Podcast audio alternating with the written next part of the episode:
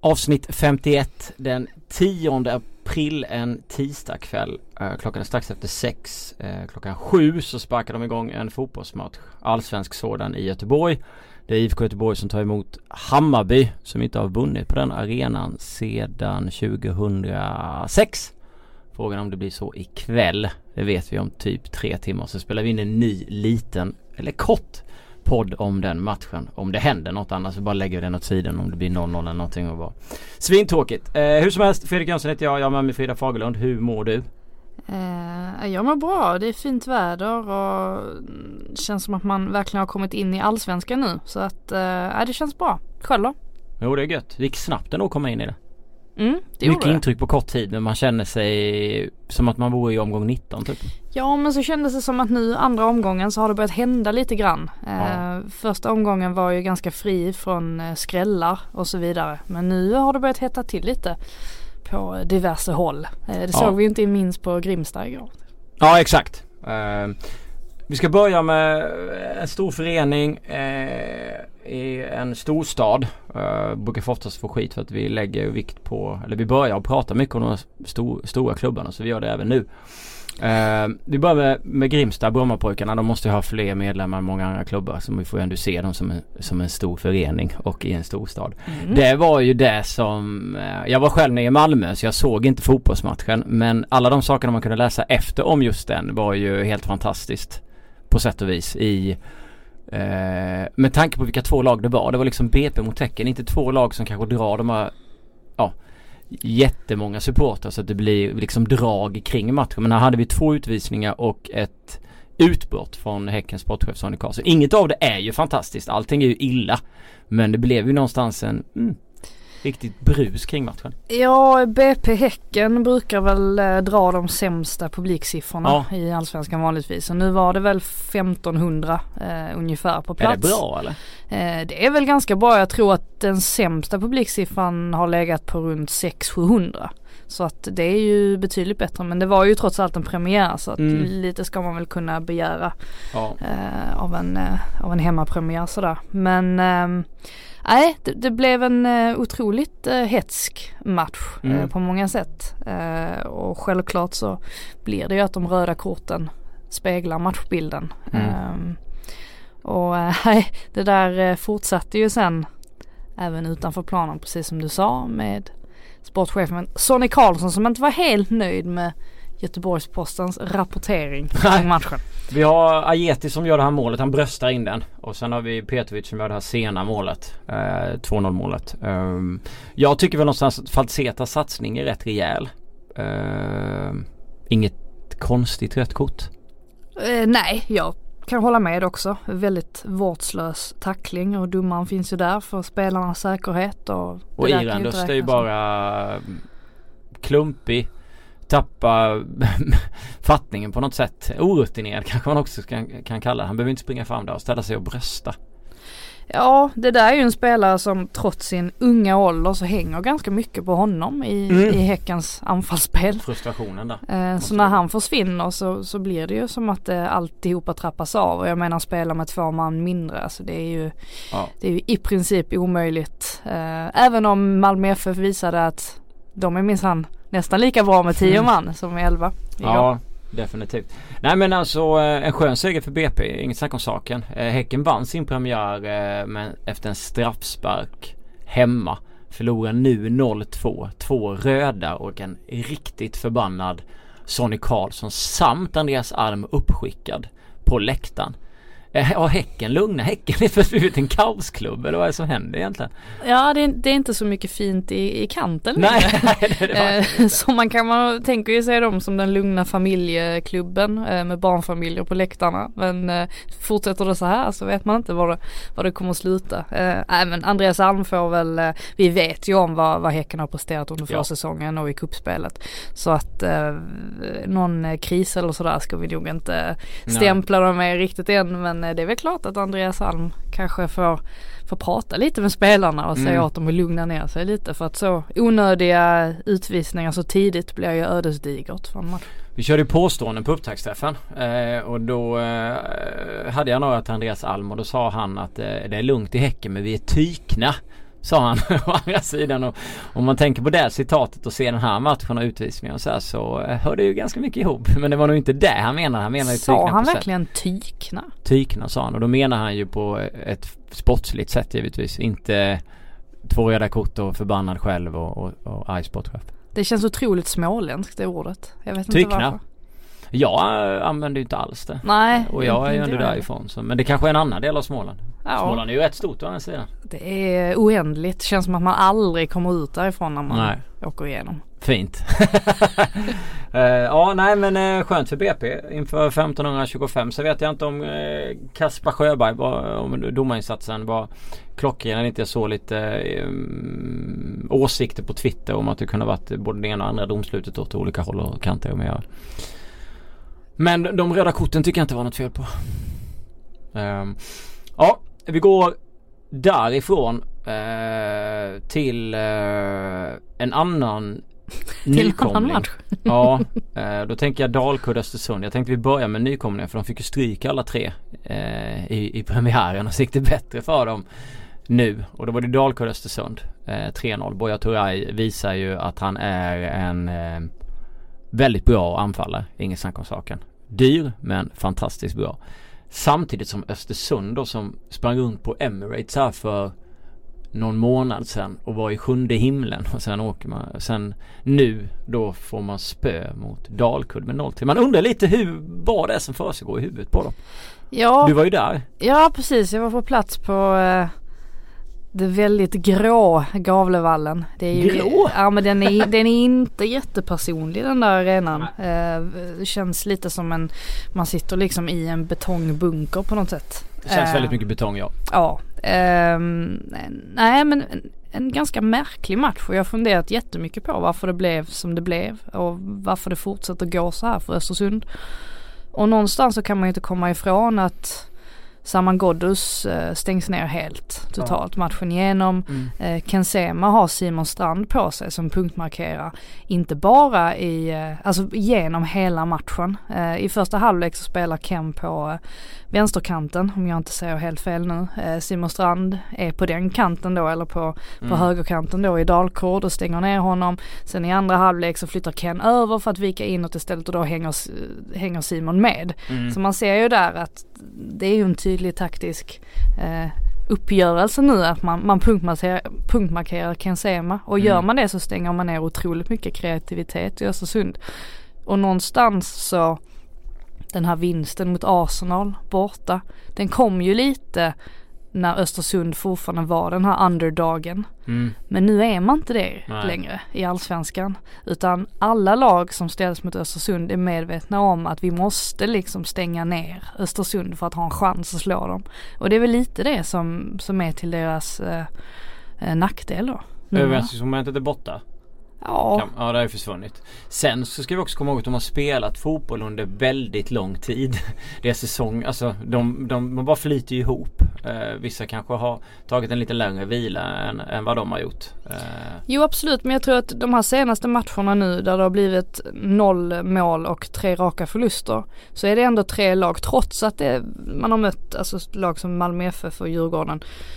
Det är ändå lag som, som har släppt ifrån sig bollen och accepterat att vi kommer inte, vi kommer inte vinna bollinnehavet i den här Mm. matchen utan det vi ska göra det är att ligga och lura på omställningar och eh, genomföra den här matchen ja. alltså taktiskt sett perfekt. Och alla, alla tre mot- motståndare nu har ju lyckats med det. mm. Eh, fortsätter det så här så kommer ju Östersund få betydligt svårare och använda sin kreativitet som vi har sett så mycket. Mm. Jag, jag kommer tänka på matchen mot eh, Djurgården i somras. När man besegrade dem med 2-1 hemma. Eh, Och det Mm. blev lite av en krisstämpel i Djurgården. Det var ju där de hade det här snacket och de pratade igenom Sen den saker. andra med 3-0 va? Precis. Men problemet i den matchen, eller där det man blev så imponerad av var ju att Östersund nästan hade bytt ut alla Ja. elva spelare mot, en, Ja. mot sin, sin B, sitt B-lag. Ja. Och ändå vann de den matchen med 2-1. Men någonstans gjorde de ju det för att Djurgården försökte att föra matchen. Mm. Och då kom de igenom gång på gång. Det är lite där att, alltså att Ja, ja, just att motståndarna har accepterat att Ja det, men det kan jag köpa. Eh, helt klart att man, eh, att man lägger sig på den. Sen så, sen så tror jag också att det är en faktor att man har haft det väldigt, väldigt lång säsong så att säga. Jag trodde i och för sig inte att det skulle komma förrän kanske i augusti. Men jag menar inte att spelarna liksom är väldigt trötta i det. Men jag tror ändå att det kan vara en lite av en faktor att det kan sätta sig lite mer. Att det blir lite mer jobbigt. Uh, sen så såg man ju vad hade, hade Östersund 70% bollinnehav mot Dalkurd. Mm, ja, ja, men gud ja. ja. Uh, och det är de ju hur trygga som helst med. Och så ja, så, så kommer så ser det ju ut. Ja. Alltså det är inget, eh, det tycker jag är lite roligt också när folk påtalar det. Om man säger att Öster, ja, men Östersund spelar ganska dåligt just nu mm. och så påtalar någon, ja men de har ju 70% i bollinnehav. Ja men det, det, Nej, det säger ju ingenting Possession längre. är bara possession. Om du inte gör något av det så är det skit i samma om du har bollen eller inte. Alltså så är det ju. Det vet jag. Och det är ju en eh, eh det är också en grej som man har funderat på när man pratar med vissa tränare i Allsvenskan. Att alla pratar just om att ha possession.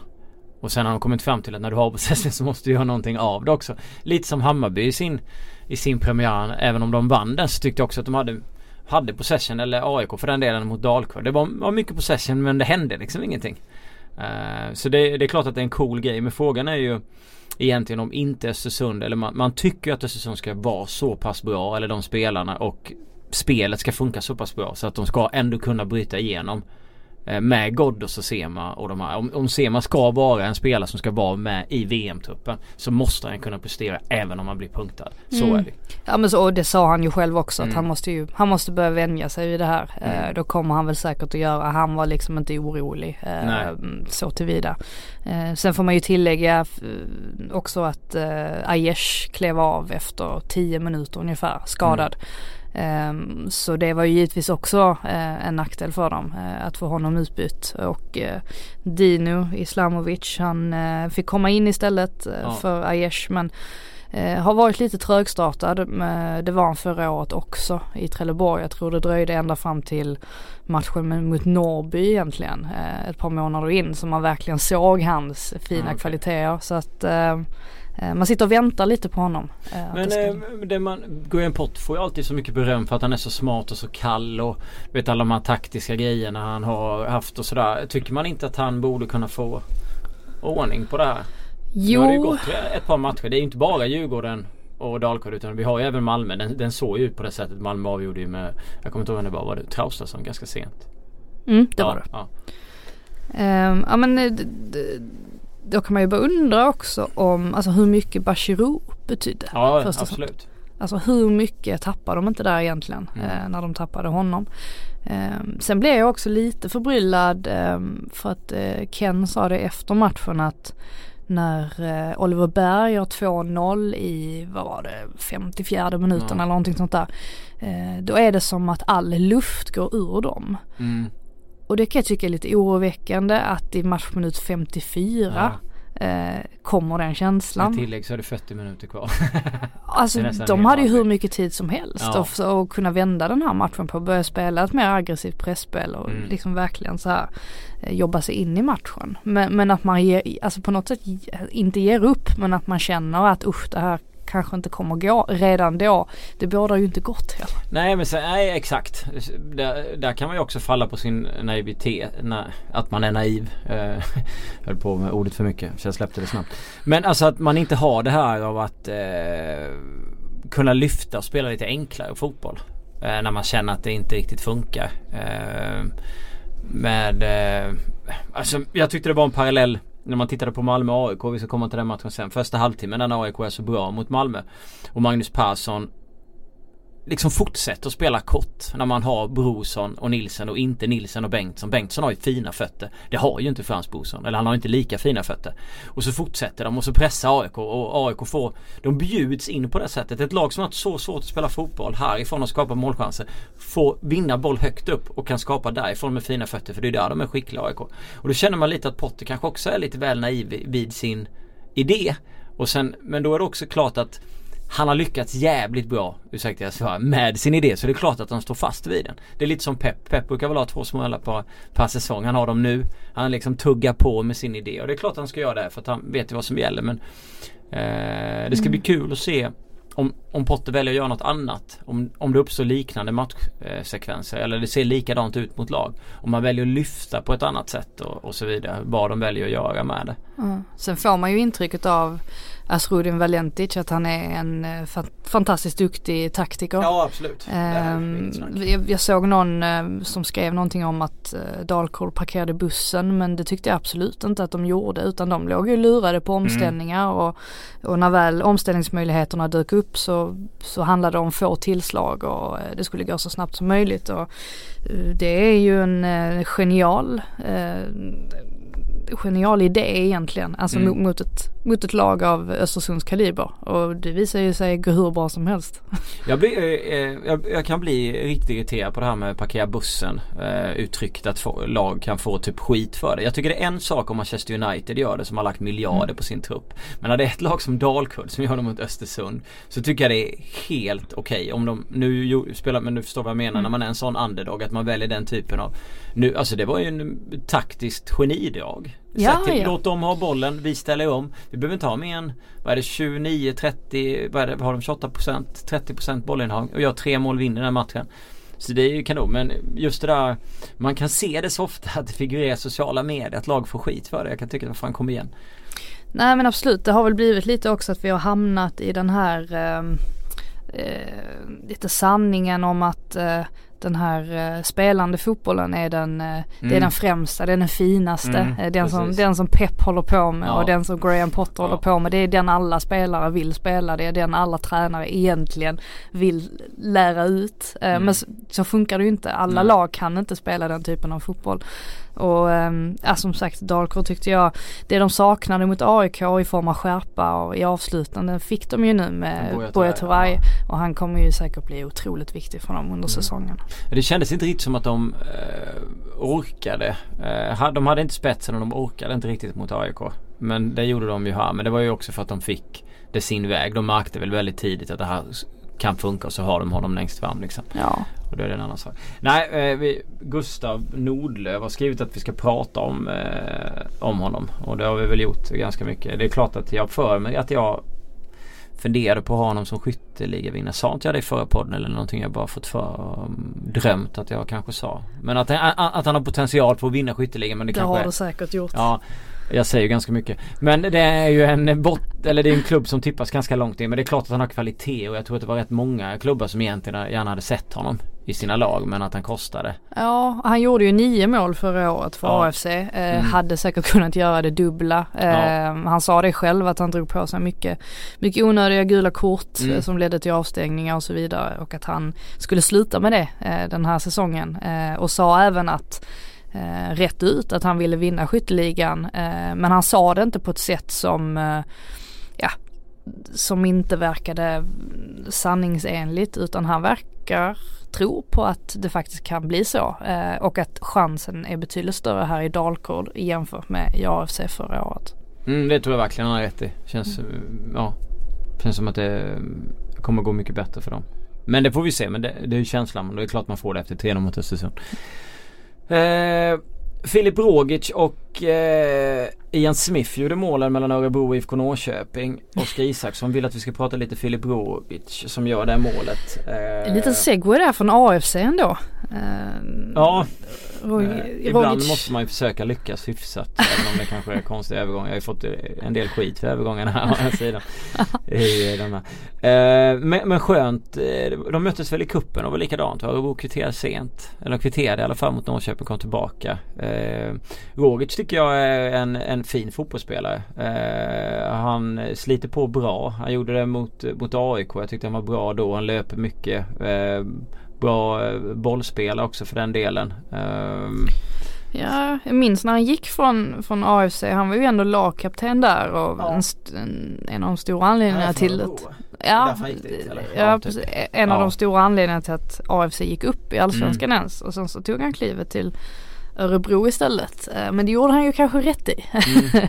kan man väl säga nu med, med facit i hand. Mm. Um, nej men självklart betyder det jättemycket att ha en uh, en stabil eh, försvarare med ett stort hjärta för klubben. Eh, det är ju oftast de där bak som, som har det där. Eh, samma de med Almebäck där också med all sin, all sin rutin. Eh, de behövs de spelarna särskilt för en lite mindre klubb som kanske inte har så mycket eller så stora resurser att röra sig med.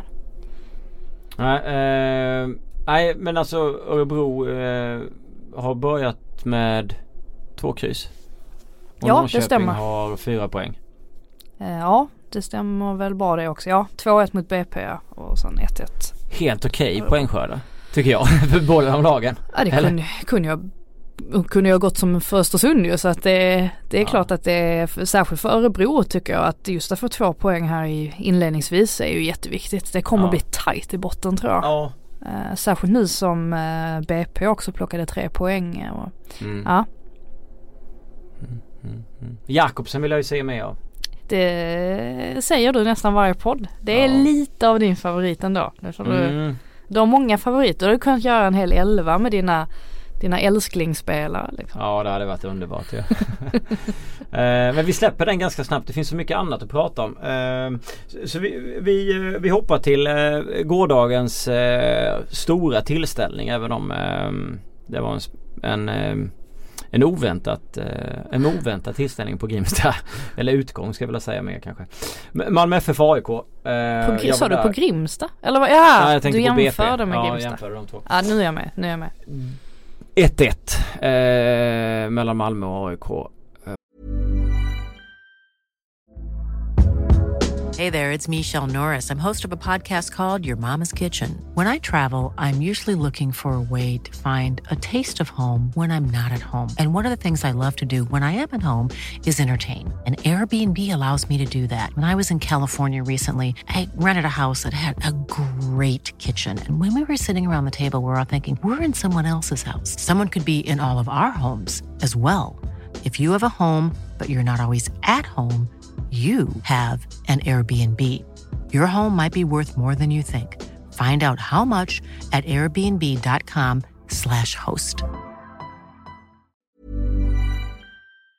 Eh, Man delar väl upp matchen i halvtimmar. Mm. Blir det ju. Eh, första halvtimmen till AIK. Sista kvarten i första. Första kvarten i andra till Malmö FF.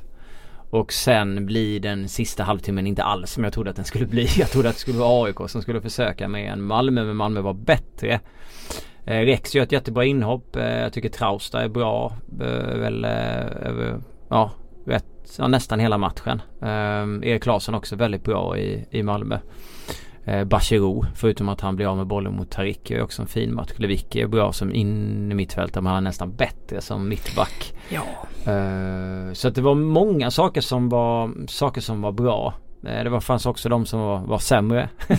Frans Brorsson till exempel har ingen rolig match. Han har en spelare och markerar på AIKs mål och det är Henrik Goitom. Och han löser inte det där. Sen kanske Nilsen kan komma in. Han kan gå något steg till höger. Men jag tycker ändå Brorsson ska ha koll på Goitom. Det, det är bara han. Det är bara det enda hotet och de, de plockar inte bort han.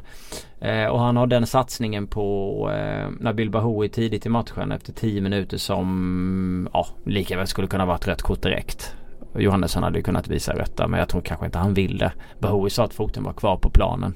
Så jävla ont gjorde det och han Ja han hade förståelse för Johannesson men han tyckte ändå att det kunde varit rött direkt om det varit så det gjorde fruktansvärt ont.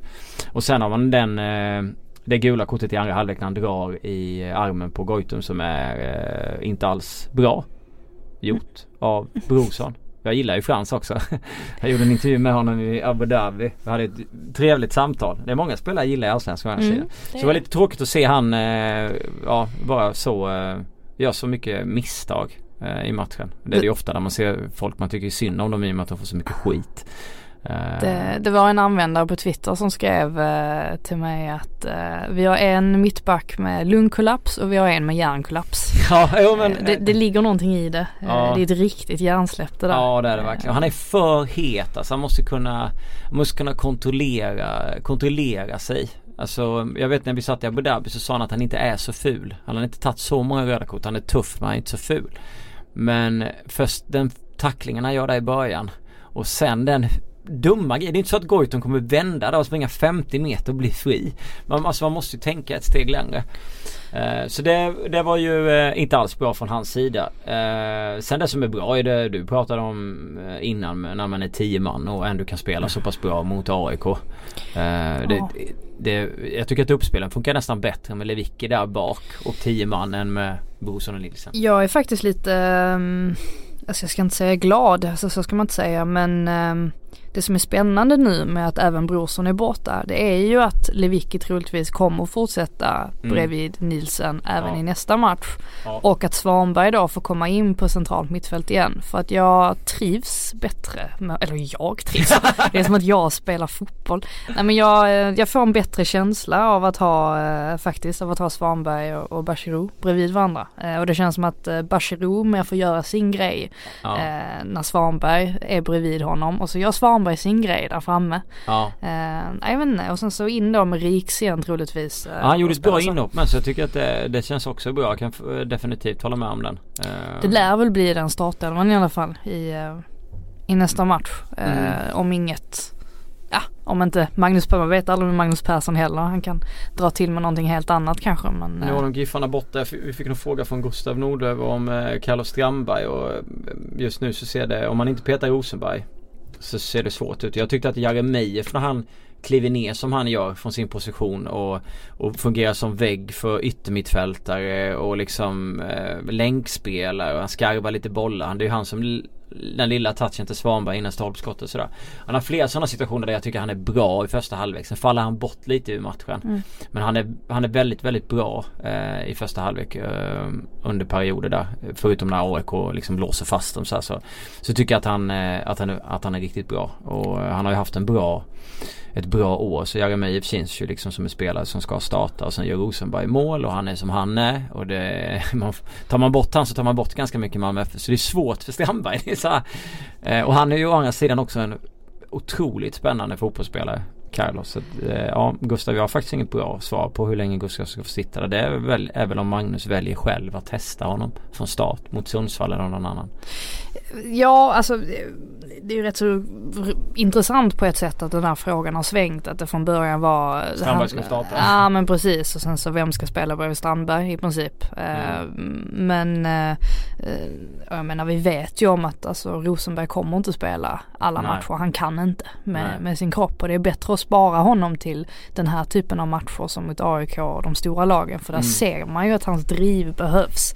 Hur han liksom kan elda på sina Ja. spelare på ett helt annat sätt än vad de här lite yngre kan. Eh, mot GIF Sundsvall är det väl inte helt omöjligt att vi kommer att se Carlos kanske från start. Om han då väljer att vila Rosenberg alternativt plocka av honom eh, Mm. ganska tidigt. Men eh, vi får väl se. Vi ska prata AIK med eh, strax här. Eh, men Rosenberg. Han är varnad. Han slår in straffen och så springer han fram och tar bollen från Oskar Linnér och trycker till han lite grann. Det där är inte så snyggt gjort. Han hade lika väl kunnat få ett gult för det. Men vem skulle visa ut Marcus Rosenberg för den situationen på hemmaplan? Vilken domare? Eh, äh, Bojan Pancis han har ju vi- visat att han eh, Men du förstår upp. mitt eh, Ja. eventuella gula där?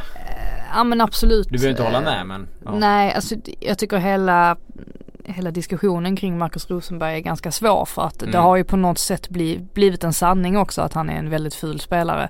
Mm. Eh, så att eh, man granskar ju honom på ett sätt som man inte granskar andra spelare. Eh, varenda liten grej eh, ser man ju eh, på ett sätt som jag inte tror att man hade sett om eh, nu kommer jag inte ens på, Filip Haglund hade gjort det. Jag tror Nej. inte vi hade reagerat på samma sätt då. Nej, eller Rogic för den delen.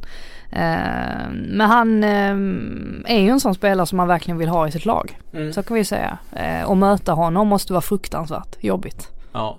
På alla sätt och vis. Ja, men jag tänkte på när han sprang fram där och tryckte till så hade han inte haft gult innan så tror jag att han hade fått ett gult. Eh, I det läget. För att det är lite sådär. Han springer ändå fram och tacklar till den och ska ta bollen och det är AIKs boll därifrån. Och efter målet liksom. Vi satt och diskuterade lite. Jag pratade med Linné om det också innan han klev på bussen. Han var ju inte förbannad liksom. Han förstår ju själva grejen av det. Men han, han sa typ att han borde kanske haft ett gult kort där. Och då sa jag då har han blivit utvisad. Jaha han hade ett sen innan, det visste jag inte. Ja så står man så här. Då hade han stått och kollat på flygplan eller någonting där. lite så. Jag det. gillar Linné. Han, äh, träff, vi har flugit tillsammans med AIK idag och då hamnade jag också vid Linné i kön. Så stod, men, eh, en, eh, hälsade på honom lite då. Vi stod inte och pratade längre men det en ung skön eh, snubbe. Snäll. Eh, Men eh, nej, jag funderade lite på det. Det var ju mycket sådana grejer i liven också. Borde han ha åkt ut? Skulle han ha åkt ut? Och så hade vi Goitom där. Han blev inte varnad för straffen. Och sen så får han ett gult kort lite senare. Och då började folk om borde inte han fått gult? Borde, alltså du vet. Det är det som är så tråkigt. Man vill ju inte ha utvisningar i det den blir här så- typen av Ja matcher. men det blir så jävla diskussioner. Så svarar man på en AIK-fråga i liven. Ja då håller man på Gnaget. Eller så svarar man på en, en Malmö. Nej Jönsson, skåning. Nej, äh, det är klart att du kan inte sitta live. Ah, du vet det blir sådana extrema yt ytterligheter till alla håll så man bara känner vad, vad är det som händer här liksom. Men eh, Brosons utvisning inget snack om. Eh, Goitums, eller straffen där Tycker inte jag heller något snack om. Han har liksom armen ute så här, nu sitter jag och viftar mm. som ingen ser förutom du då. Men så det är inte mycket. Men han säger själv att han inte har sett den och han tycker inte att den var onödig. Men jag tycker det är givet. Ja, det är konstigt om man inte blåser där. Ja. Så kan vi ju säga. Eh, sen i AIK så tyckte jag att det var uppfriskande att se Tarik Elinossi i den formen. Verkligen. Han som är på och snor bollen från Bachirou som jag ändå tyckte var riktigt, riktigt bra. Vi gav honom bästa lirarbetyget efteråt Bachirou så att, men det var väl för att vi inte tyckte att han kunde lastas första målet. Men det är bra av Tarik Lundström. Han är som en liksom speedkula där. Han bara springer fram och tillbaka. Både han och Erik Larsson för att ta ytterbackarna på högersidan. Var ju ruskigt bra. Sen har vi Nabbe som är bra i 50 minuter. Mm. 40-50 minuter någonstans där. Uh, tycker jag också. Han är riktigt bra. Mm. Uh, Egentligen är det ju liksom hela Hela AIK? Ja, hela AIK är så ja. ja. För de, första halvlek så orkar de sätta press på Bachirou, Lewicki och, och backarna. I andra halvlek så orkar de inte ta de löpningarna. De orkar liksom inte gå upp på Bachirou så han får vända om. Ja, om, alltså när man sitter så live så ser man ju oftast lite mer noggrant. Man kan ju se på TV men man, man märker verkligen hur de, hur de liksom har inte kraften till att kliva upp och då blir det ju enklare för Malmö att spela fotboll och det är ändå 10 mot 11. Um, ja, för jag tyckte Elinussi också var fantastisk i första halvlek. Ja. Men, men, han var ju också en sån spelare som fejdade ut lite ja. allt eftersom. Men det var ju som du säger, det är ju därför man sitter och tycker att det blev en otroligt konstig matchbild. Mm. Just för att man tänkte att men, AIK är ju en man med. Ja. Vad är det som händer? Ja.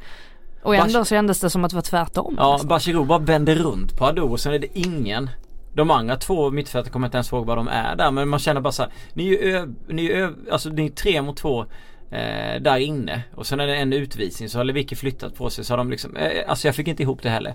Men det var ju att de orkade inte göra det jobbet medan Malmö bara Ja Ja men precis. Så det, är väl, det är väl kanske därför eh, Det är väl kanske lite det också om man baserar det här med att till nästa startelva just det här med att ha Svanberg mm. eh, där och, och, ha Riks och ha Lewicki i backlinjen istället. Att, att det kanske är, eh, kanske är en bättre startelva för Malmö FF än att ha Brorsson eh, bredvid Nilsen. I alla fall ja. i den här typen av matcher. Ja. Eh, mot den här typen av lag som har så mycket kvalitet och som pressar så pass högt. Mm. Då behöver man någon med lite bättre fötter och lite bättre uppspel än vad Brorsson kan leverera. Jag tänkte på det vi satt på presskonferensen då så eh, sa ju, det här var ju roligt. Det var kollegor Flink och Bank som ställde frågorna. Först var det Flink då som satte Rickard Norling på plats genom att Rickard Norling säger att vi möter AIK-försvar eh, idag så det är svårt. Och han bara, mm, gör ni inte det varje dag på träningarna liksom? Så har han inget svar, han har inget att kontra men vilket var ju fantastiskt roligt. Eh, eller så är det så här att han vill inte lägga ut mer än så för att han vill inte bjuda på den när han sitter där för tränarna är ju rädda om sin egen, ja Eh, bild, självbild givetvis men även sin egen taktik. Och sen så sitter Magnus Persson där. Och så frågar Simon Bank Magnus Persson varför gör du ingenting? När du ser det här. Och då står han fast för att det här är bra för oss att lära oss detta. Det är bra att de kommer upp och pressar på oss. Det kommer vi få utnyttja. Eh, och kunna liksom ha till vår fördel under resten av säsongen. Men man känner ändå Borde du ändå inte ändra när du ser att det inte funkar? Du möter ändå AIK på hemmaplan. Det är ett ganska tufft lag att möta och det är en guld eh, aspirant, guldkandidat. Då tycker jag att man borde ändra det taktiska där och kanske slå några långa istället för att AIK ska känna att det ger inget att pressa så högt för att de kommer inte spela så de kommer slå långt istället. Jag menar alla lag kommer inte åka till Malmö och pressa där uppe. Om Malmö väljer att spela korta bollar.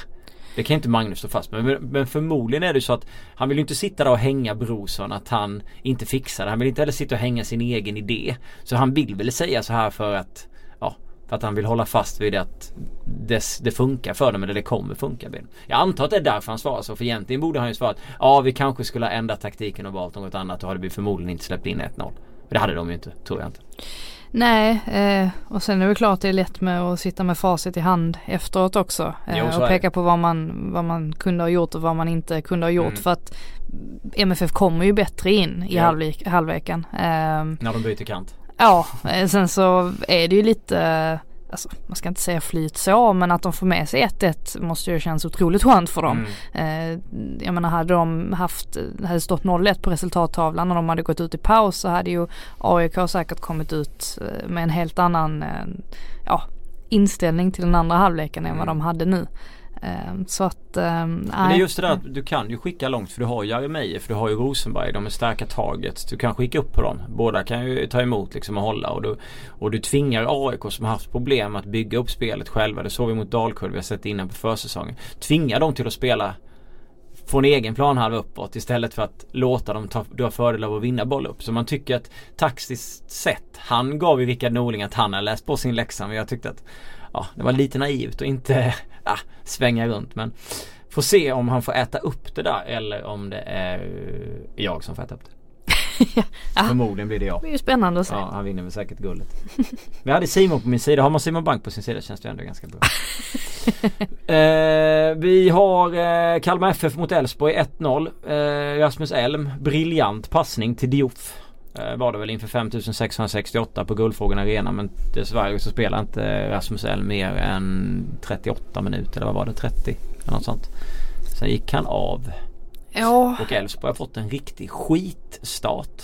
Ja det får man säga. Um, sen kan ju inte de hjälpa att Rasmus Elm är briljant. Är briljant ja. Uh, han um, det är ett, eh, den här, jag tror jag skrev det också i min krönika efter matcherna att det är en väldigt utsliten mening det här med att är mm. bara Rasmus L frisk så. Mm. Eh, men, men det, är det, är ju så det är. det är eh, och det ser man ju inte minst i den här matchen när mm. han gör den där helt obegripliga framspelningen. Den är obegriplig, den är briljant men den är obegriplig. Mm. Eh, så vi, det är såklart jättetråkigt att han eh, får kliva av återigen. Eh, och i Elfsborgs fall, ja de har ju lite och nu har inte jag, eh, såg inte jag den matchen eh, mer än målet då. Så jag kan inte riktigt jag gå in i detalj. Jag har inte heller sett 90. Eh, men mm. det man kände spontant är väl att eh, Ja, eh, nu hade de bara, de hade två avslut på mål så jag och ett par hörnor men det var Kalmar som dominerade om man säger avslut och så. Men, men det man kan fundera på är ju att de släppte in så pass mycket mål förra året eh, och har inlett med två torsk så kanske man skulle ha byggt laget annorlunda under, under fönstret. Men det är ju som sagt lätt att sitta och säga efter två matcher att man kanske borde ha värvat lite försvarare och, och, och så vidare.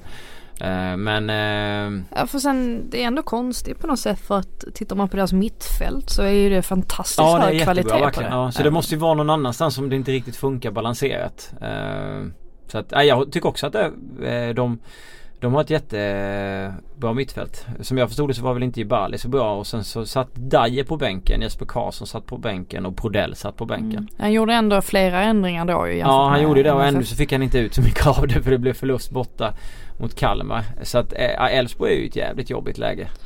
Det är ju inget snack om saken. Alltså. Ja, fortsättning följer. Ja, det ska bli intressant att, att se vad som händer eh, i det läget där. Gojani spelar högerback igen. Sätt in han centralt.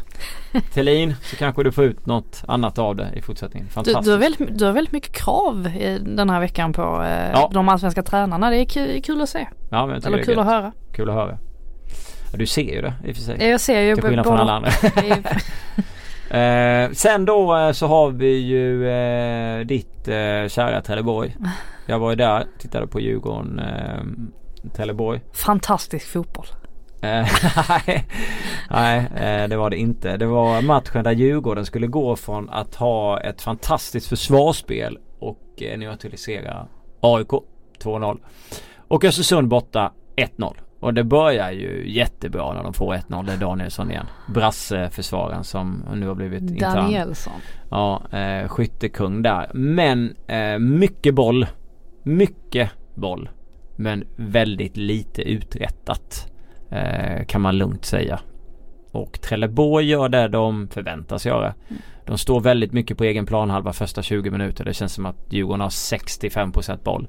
Men det är inte så att det liksom viner bollar runt eh, straffområdeslinjen utan eh, det är lite kombinationer framför straffområdet men jag tycker ändå att de är rätt trygga i, i, i Trelleborgs backlinje där. De låter Djurgården spela runt och sådär lite trianglar men ja, de släpper inte på ytor. De ruschar inte fram och säljer sig inte. Eh, och sen så kommer ju eh, målet då Danielsson och sen så har Trelleborg en en bra period i slutet på första. De ändå vågar gå upp och spela lite fotboll. Skapa lite fasta situationer. Det blir kaos. De har ju den där ribbträffen som var tidigare där.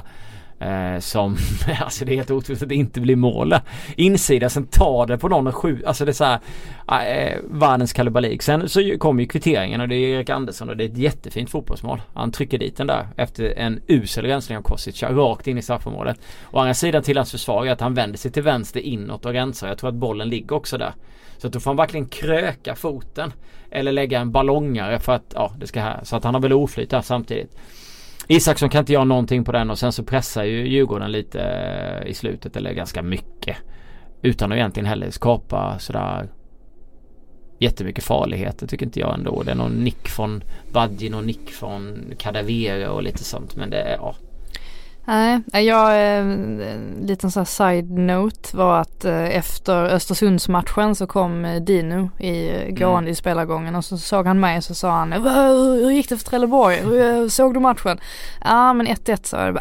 1-1 så här. Han blev, han blev verkligen eh, genuint eh, glad eh, över resultatet och när jag berättade att det var Erik som hade gjort målet mm. också så såg han eh, ännu gladare ut nästan. Eh, det var kul att se, han kanske längtar hem lite till, eh, till de skånska vidderna där nere. Det, det verkade nästan lite så. Mm. Men nej men Trelleborg måste ju vara jättenöjda såklart med att åka mm. upp till Tele2 och få mm. med sig en poäng. Men det var ändå skönt att höra att Patrik Winqvist inte kände sig ja. jättenöjd trots allt. Att ja. han ändå förstår att det är saker man måste jobba på. Mm. Eh, annars kommer det här bli jobbigt. Ja. Eh, man kan inte bara försvara sig kompakten i 90 minuter i 28 Nej. omgångar och, och de, hoppas på att de är ju inte det laget heller som Nej. vill göra det där. Eh, de inser att de måste göra det mot en storklubb som Djurgården. Eh, ja, men, det, men de föredrar inte det. Nej men det är smart gjort för att hade de valt att spela här så hade de gjort det som Djurgården eh, vill att de ska göra. För att då kan Djurgården försvara sig som man gjort mot de andra ja, matcherna nyligen och det de är så bra på.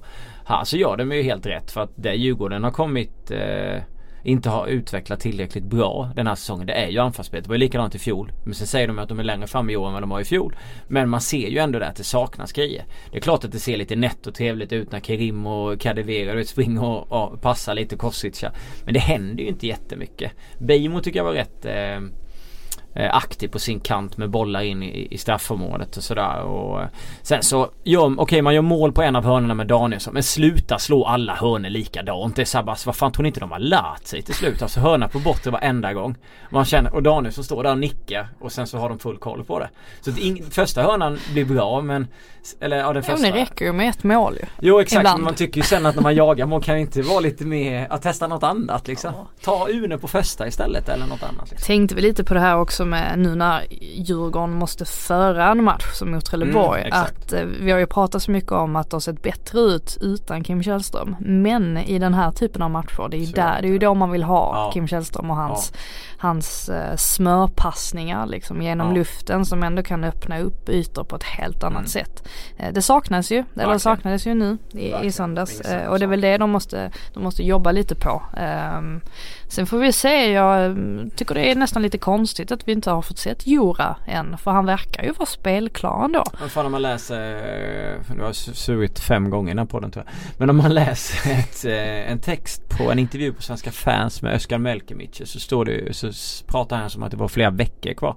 Ah, ja. Till han är spelklar. Eller i, i speldugligt skick typ i form eller vad det blir. Mm. Och då känner man så här 11 omgångar har gått två, det är nio kvar och det ska vara flera veckor kvar. Det känns som att alltså Det är inte den bästa värvningen man gör innan ett fönster. Det var inte en Man får nog inte ut lika mycket som Gust, man fick av Gustav Engvall till exempel. Jag tyckte ändå att det var en Det var en spelare som kunde gå in och köra. Ja, jag äh, fick uppdraget att äh, ta ut äh, årets flopp. och sen så hade jag inte jättemycket tid på mig att tänka. Så drog jag till med Jura mm. för att jag kände att där vet man ingenting. jag kan få rätt Eh, sen kan jag få helt fel också men mm. det känns ändå som att det är väldigt ovisst med honom. Ja, eh, håller med. Verkligen. Halvårets flopp.